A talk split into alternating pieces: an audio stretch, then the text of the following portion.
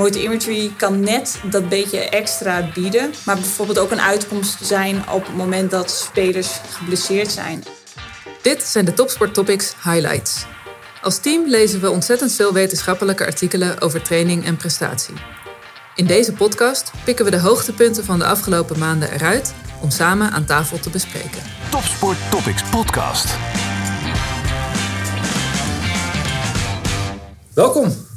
Vandaag zitten we met het team, bijna het hele team, op de VU.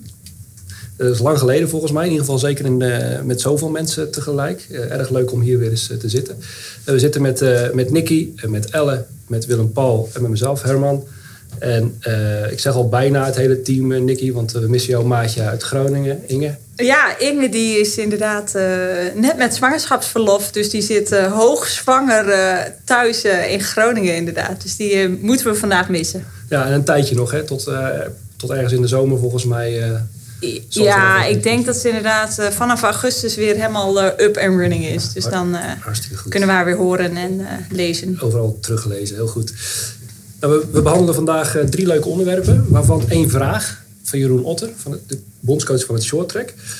kun je iets meer over die vraag vertellen, WP? Ja, Jeroen die heeft een vraag gesteld en die ging over acuut herstel. Dus hoe kun je in een tijdsbestek van 2 tot 15 minuten kun je ervoor zorgen dat je optimaal herstelt en zo snel mogelijk weer kunt presteren. Eh, de achtergrond daarvan is dat uh, in het short track, als ze met een race begonnen zijn, dat er een nieuwe regel is dat uh, de race onderbroken kan worden om ijs te repareren. Als iemand geval is bijvoorbeeld? Ja, bijvoorbeeld. En dan ligt het een aantal uh, minuten ligt stil. Hebben ze eigenlijk beperkte middelen, kunnen ze ook niet van de baan af. En wat kun je dan doen om ervoor te zorgen dat je bij de hervatting weer helemaal er staat als het ware? Dat lijkt me een hele legitieme, legitieme vraag. Ik vind het wel, uh, het is in die zin is het wel bijzonder dat we nu een keer een vraag gaan behandelen. Want ondanks dat het natuurlijk voor jullie uh, gesneden koek is bijna om vragen van coaches te, be te beantwoorden, gebeurt dat. Ja, is dat voor de buitenwereld niet altijd zichtbaar? Kun je uitleggen waarom dat is? Ja, ja het vragen beantwoorden, zoals je al zegt, is een, een groot deel van ons werk. het, de antwoorden op de vragen, die bevatten af en toe bevatten ze gevoelige informatie. waarvan we eigenlijk niet willen dat iedereen daar zomaar bij kan. Want uh, ja, het is topsport, het gaat over uh, fracties van seconden. Dus uh, ja, ieder voordeeltje wat je kunt pakken, moet je ook pakken. Voor jezelf houden. Ja. En is Jeroen nog bang voor de 17 miljoen bondscoaches en, en hun mening? Nou, in dit stadium denk ik dat ze in Beijing helemaal gefocust zijn op hun taak. Dus ik denk niet dat hij zich daar zorgen over maakt. Hartstikke goed. Hey, en wat zijn, de, wat zijn de belangrijkste uitkomsten van, van het... Hè, van, je, hebt er, je hebt er, bent erin gedoken, je hebt waarschijnlijk erg veel gelezen. wat is eigenlijk de hoofdboodschap voor, voor Jeroen? Ja, er zijn eigenlijk drie punten uh, waar ze mee aan de slag kunnen om uh, ja, zo goed mogelijk te presteren. Dat is uh, dat ze actief herstellen en zorgen dat ze warm blijven. ze kunnen met cafeïne, kou, kunnen ze aan de slag.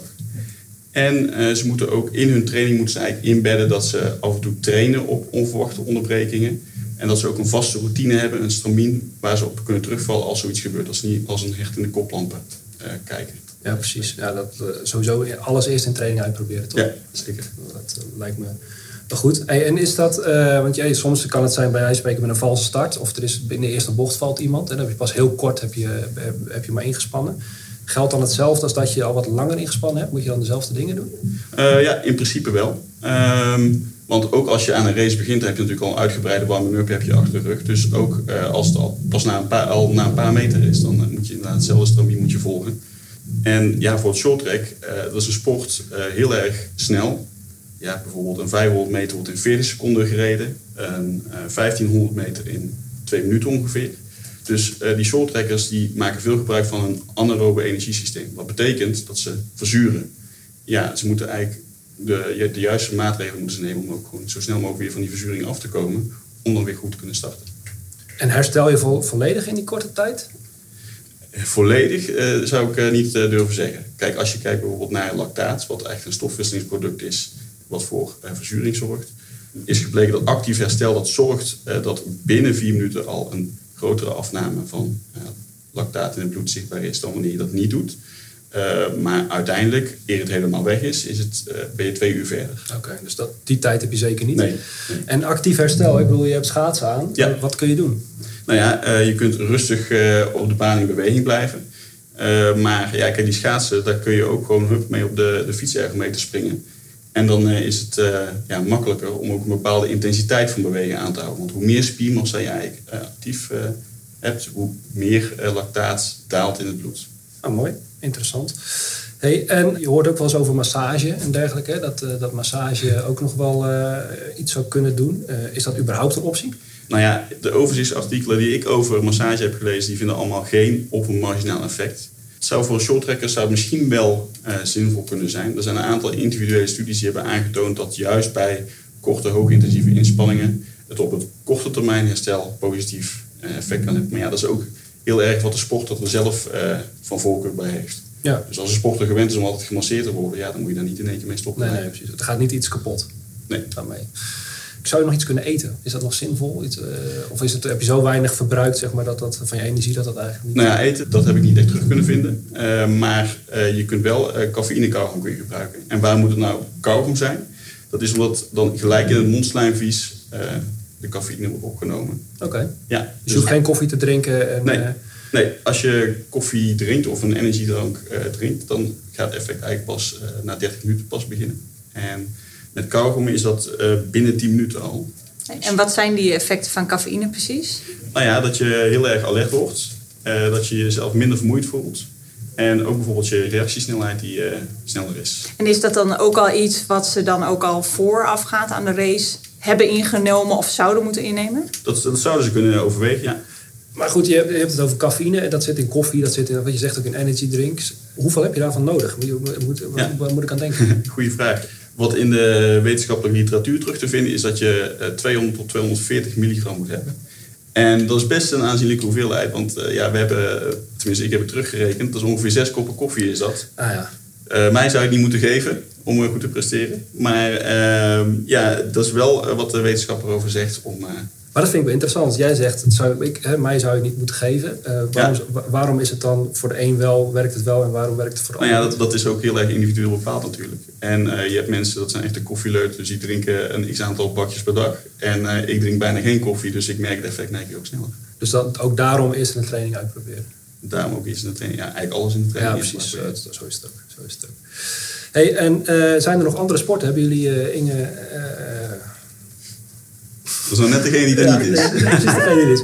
Nee, eh, eh, Elle en Nicky, hebben jullie eh, eh, dit ook bij, zijn het ook de andere sporten zou dit toepasbaar zijn? Hebben jullie wel eens met, als je met coaches zit te praten, dat je zegt van nee, eh, dit zou ook... eh, we zitten trouwens bij de VU, hè, dus eh, het is even op de achtergrond hoor je de ambulances heen en weer rijden. Maar wij, als je met een coach zit, zijn dit vragen waarvan je zegt van nee, dit kunnen we ook, dit antwoord zouden we ook daar dus eh, onder het licht kunnen brengen. Ja, nou, dit is zeker wel eh, een vraag die we, die we vaker krijgen. En ook nou met veranderende regelgeving, eh, zoals wisselen ze in het hockey bijvoorbeeld steeds sneller door. Wat echt wel anders is dan eh 10, 20 jaar geleden, waarin hockeyers vaak eh, nou ja, gedurende de hele wedstrijd actief zijn. Spelen ze nu vaak, eh, ik geloof, 5, 6 minuten, wat wel echt een hele andere intensiteit is. Maar waardoor ze ook juist tijd hebben om te herstellen tussen de inspanningsmomenten. Dus dat zijn zeker ook wel vragen die voor nou ja, teamsporten, waarin ook überhaupt veel meer wisselmogelijkheden mogelijk zijn. En eh, ja, Ja. zeker interessante vragen. En ik denk ook heel goed om daarover over na te denken. Wat kun je nou doen op het moment dat je tijd hebt om aan je herstel te werken? Ja, ja, terecht punt. Het is ook natuurlijk iets wat wij, dit principe is bij eh, meerdere sporters toe te passen. Dus eh, je kunt eh, bijvoorbeeld kijken, eh judo, judoka's die meerdere keren op een dag moeten presteren. Maar ook inderdaad in de rust van een hockey of van een voetbalwedstrijd. Eh, dan moet je toch ook zien te, eh, te herstellen. En ook zien dat je de tweede helft zo goed mogelijk uit de startblokken komt. Helder. Nou, ik denk dat we Jeroen mogen bedanken dat we een keer een eh, vraag eh, Ja, konden bespreken. zeker. Dat lijkt me Daar zijn we heel blij mee. ja, hartstikke goed. Nou, Elle, jij bent eh, in een heel, ja, ik vind ik een heel interessant onderwerp gedoken waar, eh, waar je eigenlijk heel weinig over hoort, terwijl de helft van de sporters eh, ermee te maken heeft. Ja, dat klopt. De menstruatiecyclus en de, en de rol die dat speelt eigenlijk in je, in je prestatie. Ja, Kun je daar iets meer over vertellen? Dus, want ja, nogmaals, ik, ik vind dat je daar volgens mij als coach heel vaak eh, heel goed over na moet denken. Zeker als je uiteraard met vrouwen werkt. Toch hoor je daar heel weinig over. Heb je een idee hoe dat komt?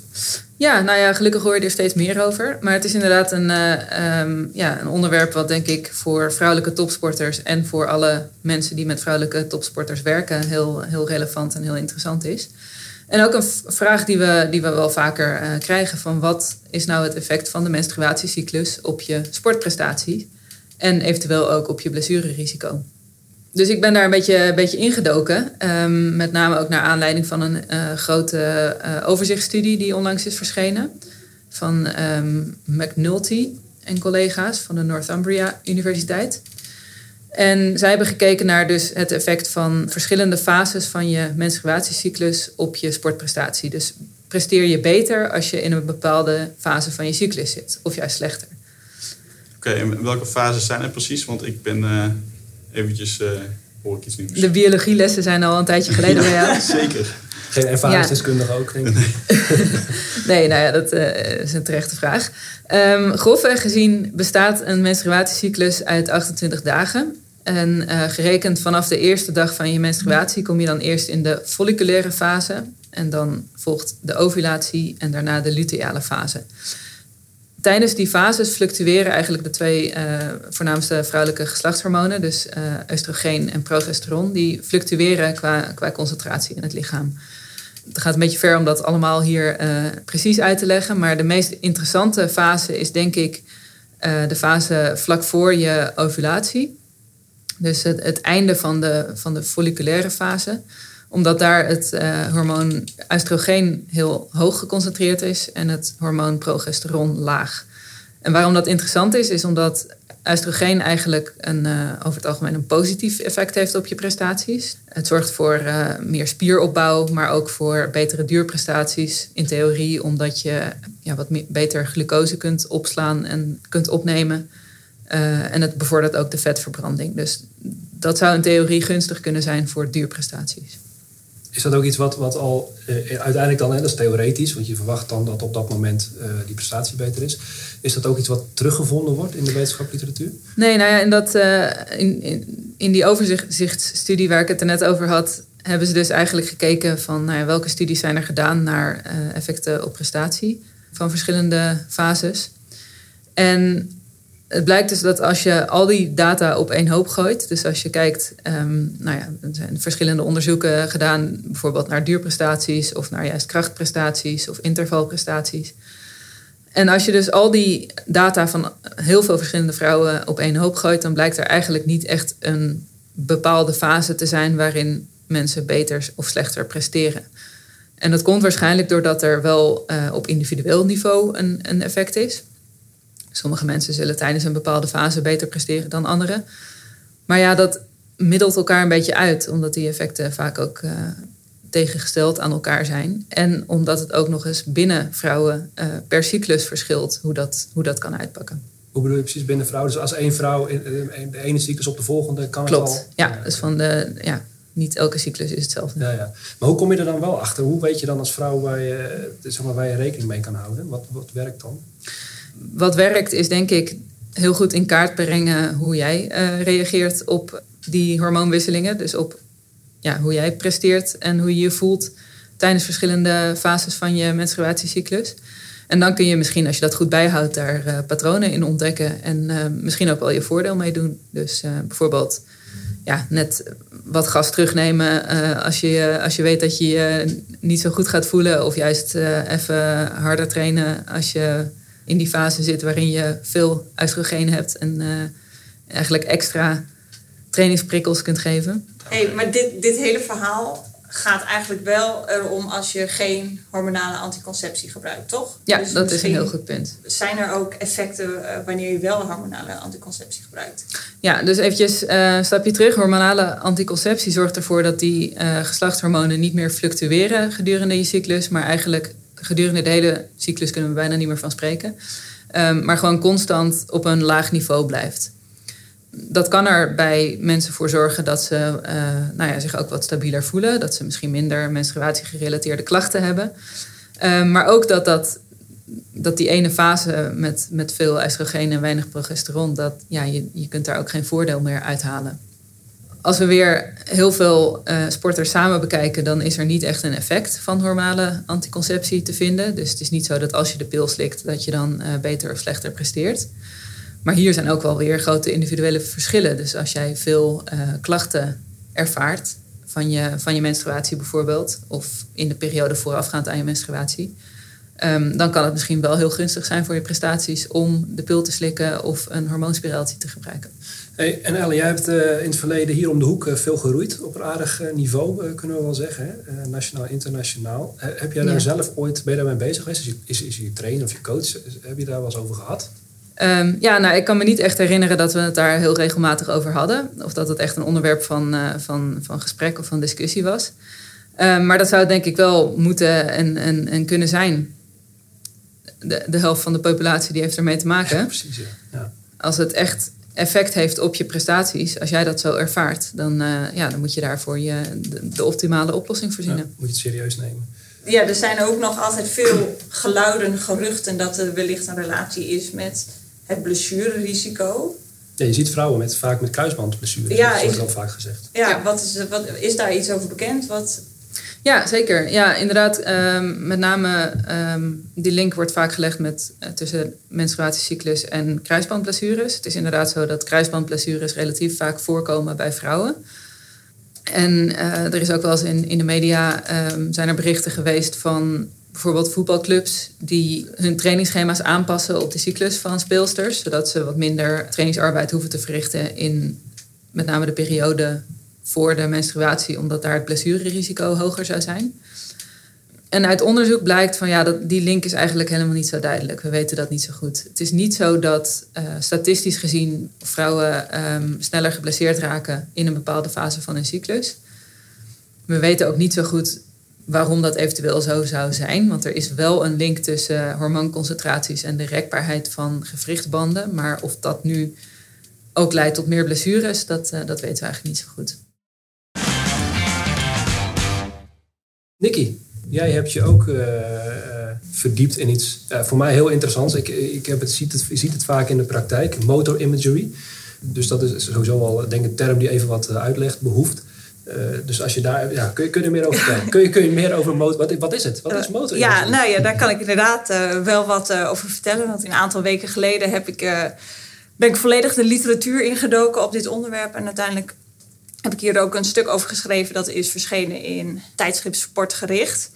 En bij motor imagery gaat het eigenlijk echt om het inbeelden en het ervaren van een beweging zonder dat je die daadwerkelijk uitvoert. En het idee daarvan is dat het de prestatie kan bevorderen of misschien zelfs behouden op het moment dat sporters wellicht geblesseerd zijn en een tijd niet kunnen trainen. Hoe werkt dat dan precies? Nou, het idee van motor imagery is dat je ja, bepaalde hersengebieden activeert die ook actief zijn bij de fysieke uitvoering van die beweging. Hoe het precies werkt, dat weten ze nog niet precies. Daar zijn onderzoekers het nog niet over eens. Maar er lijkt wel een verband te zijn tussen die hersenactiviteit op het moment dat je de beweging dus inbeeldt en ervaart. En op het moment dat je die beweging dus daadwerkelijk fysiek uitvoert. En het idee is dus een beetje dat de aansturing vanuit de hersenen naar de spieren zou verbeteren op het moment dat je dus ook die bewegingen, bepaalde bewegingen zou gaan inbeelden. Ik zie ook wel uh, bij, bij bobslee of iets dergelijks, zie je ze met hun ogen dicht eigenlijk de baan al doorlopen en de bewegingen maken met hun hoofd en hun handen, dat ze eigenlijk weten wanneer komt welke bocht, hoe moet ik reageren. Is dat dan wat het is? Ja, veel mensen, ja, het wordt ook wel eens het visualiseren genoemd, maar eigenlijk dekt die term niet helemaal de lading wat motor imagery is. Want visualiseren, nou, dat lijkt eigenlijk een beetje alsof het puur en alleen om het inbeelden gaat. Dus het zien van de beweging voor je. Terwijl motor imagery eigenlijk wat breder thema of onderwerp is, waarbij je eigenlijk ook verschillende zintuigen probeert in te zetten. Dus niet alleen het inbeelden, dus echt het zien, maar het gaat dus ook echt om het, het voelen, het horen, proeven, ruiken, wat gebeurt er in de omgeving. Dus echt het proberen het ervaren van die inbeelding. En uit onderzoek blijkt ook dat op het moment dat je dus probeert ook om die verschillende zintuigen in te zetten bij uh, motor imagery, dat er ook een beter effect is. Dus dat je dus niet alleen het inbeelden, maar ook ja, wat jij zegt, uh, Herman, dus dat je ook echt voelt wat er gebeurt op het moment dat je die beweging dus nabootst eigenlijk. Maar waarom zou je niet, waarom zou je niet gewoon kiezen voor uh, het dan gewoon te doen? Doe het, maak gewoon de Ja, nou ja, dat is, dat is ook zeker een goede vraag. En we weten uiteindelijk ook fysieke activiteit en die beweging doen is nog altijd het belangrijkste. Maar motor imagery kan net dat beetje extra bieden. Maar bijvoorbeeld ook een uitkomst zijn op het moment dat spelers wellicht geblesseerd zijn en die beweging niet uit kunnen voeren. Het kan ook interessant zijn, helemaal natuurlijk gedurende deze coronapandemie, waarin je als sporter misschien ook nog wel eens in isolatie moet, in quarantaine moet, je überhaupt die beweging of jouw sport niet kunt uitoefenen. Dus dan kan het best nuttig zijn om motor imagery toe te passen. En dat geldt dus bijvoorbeeld voor het echt het uitvoeren van bewegingen. Maar het kan ook uh, bij krachttraining heel nuttig zijn. Dus op het moment dat jij niet uh, bepaalde krachtapparatuur tot jouw beschikking hebt, dan kan het ook zinvol zijn om bepaalde oefeningen in te beelden. Want er zijn verschillende overzichtsstudies die al hebben aangetoond dat uh, nou, wel 5 tot 30 procent je vooruit kan gaan op het moment dat je uh, bepaalde krachtoefeningen inbeeldt. Daarbij moet ik wel zeggen dat dat bij ongetrainde mensen is aangetoond. Dus het zal bij topsporters zeer waarschijnlijk uh, een lager effect zijn. Maar er lijkt dus wel iets in motor imagery te zitten. Oké, maar je zegt het gaat niet alleen om het visualiseren. Het gaat ook om het ruiken, om het voelen, om het proeven bij wijze van spreken. Uh, ik kan me voorstellen dat is best een moeilijke skill om aan te leren. Het is niet van oké, ik beeld me in dat ik een taartje eet en dat is het of zo. Dat lijkt me alsof er best wat oefening in zit. Ja, dat, dat is ook zeker uh, nodig. En topsporters zijn hier ook beter in dan, dan amateurs. Laat onderzoek ook zien. Uh, ook omdat ze daar vaker mee geoefend hebben. Maar wat heel erg kan helpen om dat inbeeldingsvermogen te verbeteren... en daarmee ook het effect van motor imagery... is dat je verschillende elementen vanuit... Nou, in de wetenschap noemen ze dat ook wel het PetLab-model integreert. En de letters van het PetLab-model die verwijzen naar de fysiek. Dus op het moment dat jij dus, uh, dat is de P van physical fysiek, uh, dat verwijst dus, ja, voor, voor de mensen die uh, inderdaad die link nog niet hadden gelezen. ja, precies. Mooi woordje Engelands. Dat, maar goed, dat, dat verwijst dus echt dat je de beweging op het moment dat je die dus inbeeldt. Dus niet alleen voor je moet zien, maar ook daadwerkelijk moet ervaren. Nou, ik kan, als je, als je wilt het hele model even bij langs. Want uh, bij de E van PetLab verwijst dus naar environment, oftewel omgeving. Dat het dus ook helpt op het moment dat je dus motor imagery toepast in de omgeving. Als wij de beweging ook daadwerkelijk uit zou voeren. Dus op het moment dat jij bijvoorbeeld als hockeyer uh, een strafcorner zou nemen of inbeeld dat je die zou nemen, dan helpt het ook als je die, die motor imagery toepast in een hockeyomgeving. En uh, want je hebt er nog een aantal letters over. Ja, die kan ik even kort, uh, kort bij langs. Ja. Je hebt, uh, je hebt de, de T van taak. Daarbij is het belangrijk dat de taak overeenkomt met het niveau van de sporter. Dus als je een expert bent, topsporter, dan zul je ook dat niveau moeten nabootsen. En voor een beginner zal dat er heel anders uitziet. Dan heb je timing. Daarbij is het van belang dat de duur van de beweging ook overeenkomt met de duur van de ingebeelde beweging.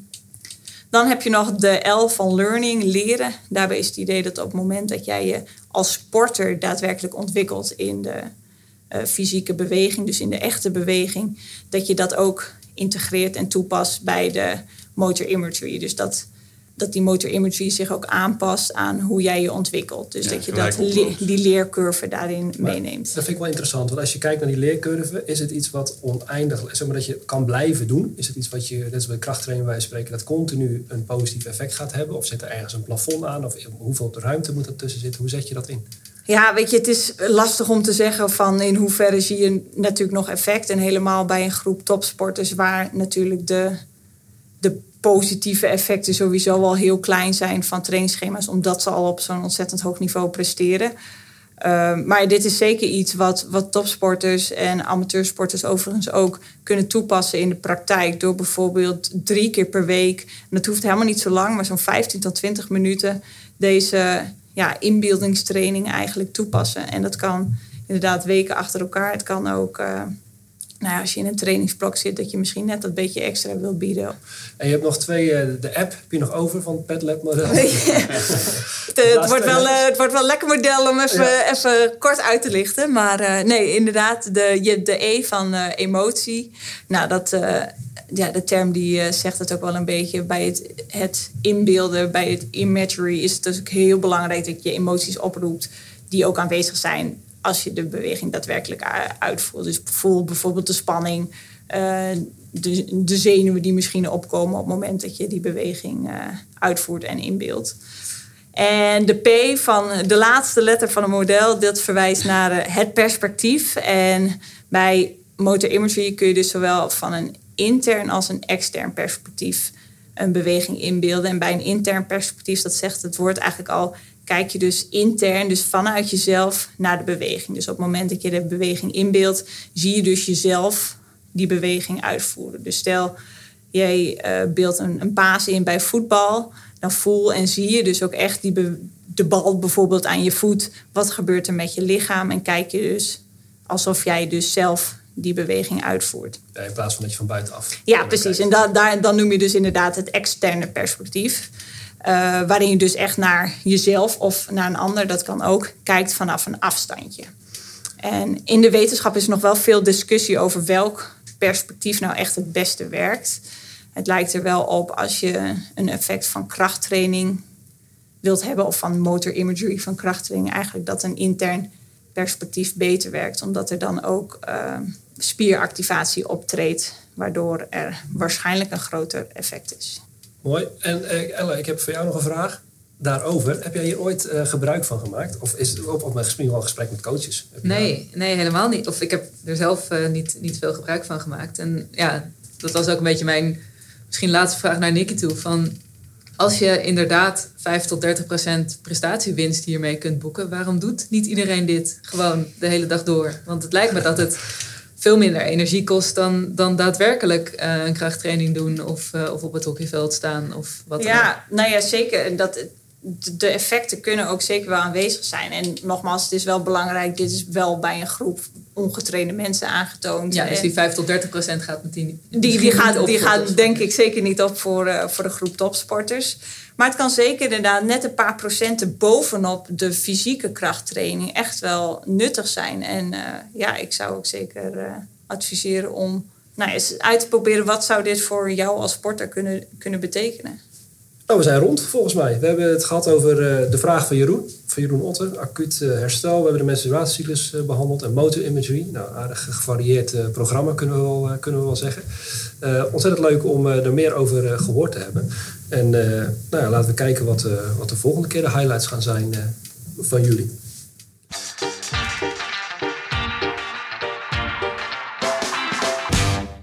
Zijn er nog eh, lees, luister of kijktips? Hebben jullie nog eh, de afgelopen maanden iets eh, buiten al het leeswerk wat jullie al doen natuurlijk in alle wetenschappelijke literatuur ook nog wat toegankelijker stukken die jullie met, de, met de luisteraars in dit geval willen delen?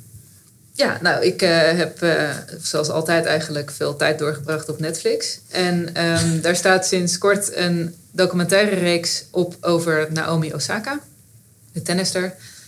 Nou ja, dat gaat over haar eh, eh, carrière als tennisser, maar natuurlijk ook over de druk die zij ervaart door met name eh, de media die ontzettend geïnteresseerd in, in haar zijn. Ja, dus vanuit een, een, een, psychologisch of sportpsychologisch perspectief vond ik dat wel een interessante serie om, om te kijken. En eh Nicky, heb jij nog iets eh, te delen? Ja, ik heb eh, onlangs voor het slapen gaan het boek Why We Sleep van Matthew Walker gelezen. En dat is eigenlijk een, ja, een beetje een populair wetenschappelijk boek over slaap en dromen. En nou ja, daarin wordt eigenlijk beschreven wat het belang is van slaap en wat dromen doen, et cetera, et cetera. Super interessant. Ik zou het alleen niet aanraden als je misschien al wat slaapproblemen hebt, want het is behoorlijk deprimerend eh, als je leest hoe belangrijk slapen is, wat er gebeurt als je te weinig slaapt, tot aan alle ziektes die daarmee gepaard gaan. Maar eh, mocht je lekker slapen en je wil wat meer weten over de wetenschappelijke achtergrond van slaap, dan is het zeker een uh, aanrader. En volgens mij is er zelfs ook een Nederlandse versie van, als ik het goed uh, herinner. gaat om uh, half negen naar bed vanavond. Ja, is, het, is een tip een boek lezen voordat je gaat slapen? Of de, of de tip is, nou, ik moet zeggen, het is. Ja, het, het, leest lekker weg, maar uh, ja, veel meer dan uh, een klein hoofdstukje lees ik niet per nacht. Dus dan uh, ga ik lekker uitgerust, doe, ik de, doe ik de ogen dicht. Heel goed. En mensen met jonge kinderen, dit boek maar even niet lezen dus. Nee, dat zou ik niet, niet aanraden. Nee. WP? ja, ik heb een documentaire gezien, Magnus. En die gaat over Magnus Carlsen. Dat is ja, de op dit moment uh, schaakgrootmeester wereldwijd. geen doorsnee jongen, erg jong nog. En wat natuurlijk in de topsport op dit moment een heel erg hot topic is, is vroeg of laat specialiseren. En wat mooi is aan deze documentaire is dat zijn ouders, die hebben eigenlijk van een heel jonge leeftijd, hebben ze ook best een compleet beeld van hem uh, kunnen ze laten zien, omdat ze veel hebben opgenomen. Oh, leuk. Dus het is uh, ja, gewoon leuk om terug te zien hoe dat, dat bij uh, zo'n ja, bijzondere jongen gegaan. Echt een inkijkje. Ja. En uh, Herman, heb jij naast uh, al die twee jongere kinderen het slaapgebrek nog tijd gehad om wat te lezen, te luisteren, te zien? Ik leef s'nachts. Ja, nee, ik heb, ik heb nog. Ik, ik, lees af en toe nog wel het nieuws, dus dat, zoveel kom ik nog wel. En de NOS heeft al een mooie vierluik, als je het zo kan zeggen, waarin ze sporters eigenlijk bevragen over ja, de, mentale weerbaarheid eigenlijk in de dingen waar ze tegenaan lopen in de topsport. Uh, zo was er ook een uh, voorbeeld van Stefan Groothuis. Die zei van de begeleiding heeft in het verleden gewoon geschort daaraan. En ik vond het wel interessant om te zien, ook in het licht van het uh, topsportcultuuronderzoek wat gaat lopen, van hey, wat, wat wordt er op, ja, op dit moment nou echt met die mentale begeleiding van sporters gedaan. Dus ja, erg ja, ik vind het altijd wel erg interessant om te kijken hoe een sport, een topsporter in dit geval, kijkt naar de problematiek in zijn eigen of haar eigen wereld. Ja, belangrijk onderwerp ook. Zeker, ja, ja. En dat zijn allemaal korte stukjes die terug te, zijn ook, uh, te vinden zijn ook op de NOS-site. Het zijn allemaal uh, dat is een paar minuten lezen. Dus het, het, kan, het kan in die zin vlot tussendoor. Mooi. Tip voor mensen met kinderen. Ja, en weinig tijd. ja, precies. Ja, precies. Ja, zo is het. Oké, okay, um, nou dit waren de Topsport Topics highlights. Uh, de links naar de artikelen die zijn terug te vinden in de show notes. En kijk uiteraard op onze website topsporttopics.nl uh, en volg ons op de social media als je nog meer uh, interessante stukken en verhalen wil lezen. Topsport Topics, de schakel tussen wetenschap en sportpraktijk.